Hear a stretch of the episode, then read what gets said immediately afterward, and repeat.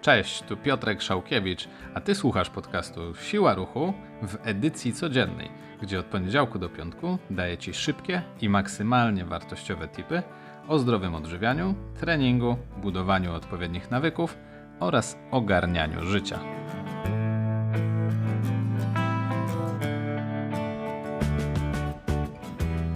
Dzisiaj opowiem Ci o kilku metodach, jak ograniczyć słodycze w swojej diecie i dlaczego ograniczenie ich do zera może nie być najlepszym rozwiązaniem. Zaczynając od zupełnego początku, w jakim momencie słodycze pojawiają się w Twoim życiu? One nie, nie spadają z nieba, Ty musisz je najpierw kupić.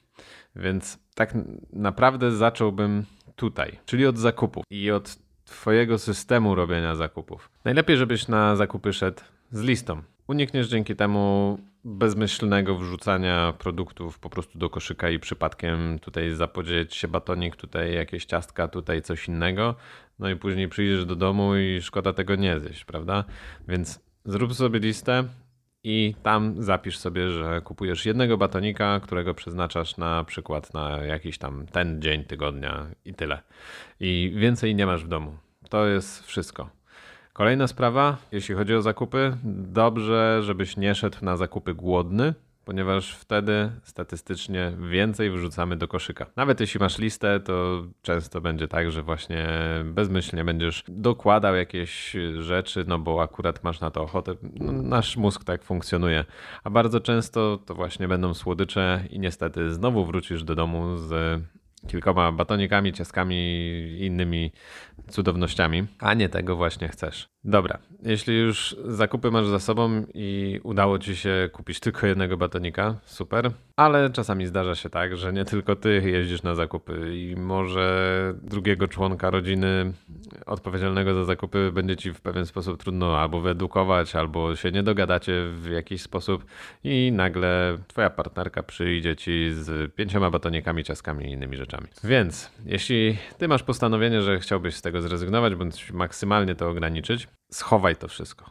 A najlepiej, żeby ona to schowała. Nie miej tych słodyczy na widoku, bo jeśli tak będzie, to za każdym razem, na przykład jeśli będziesz wchodził do kuchni, będzie gdzieś tam z kąta szczuła cię tabliczka czekolady, no i bardzo ciężko będzie ci się jej oprzeć.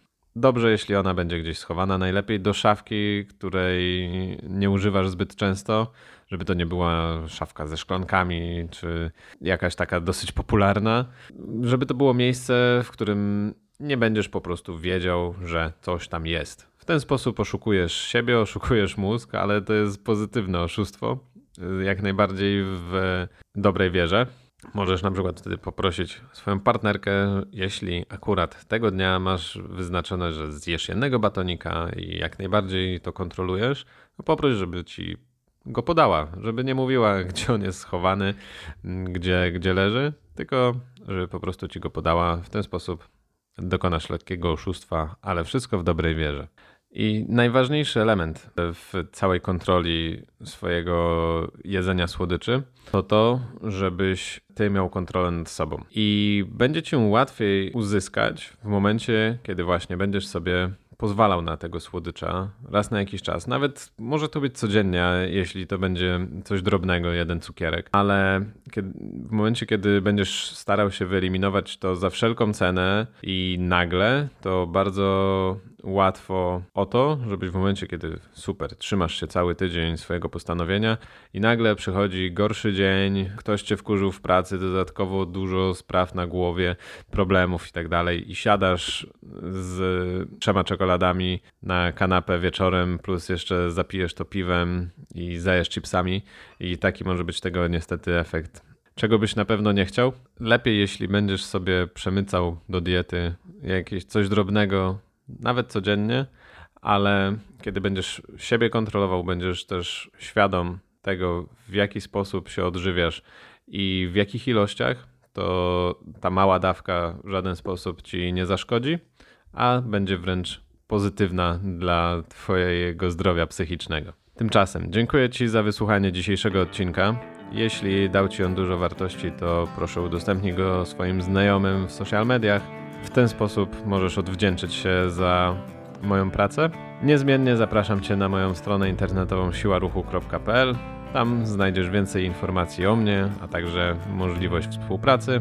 A ja dziękuję Ci bardzo jeszcze raz za wysłuchanie tego odcinka i do usłyszenia.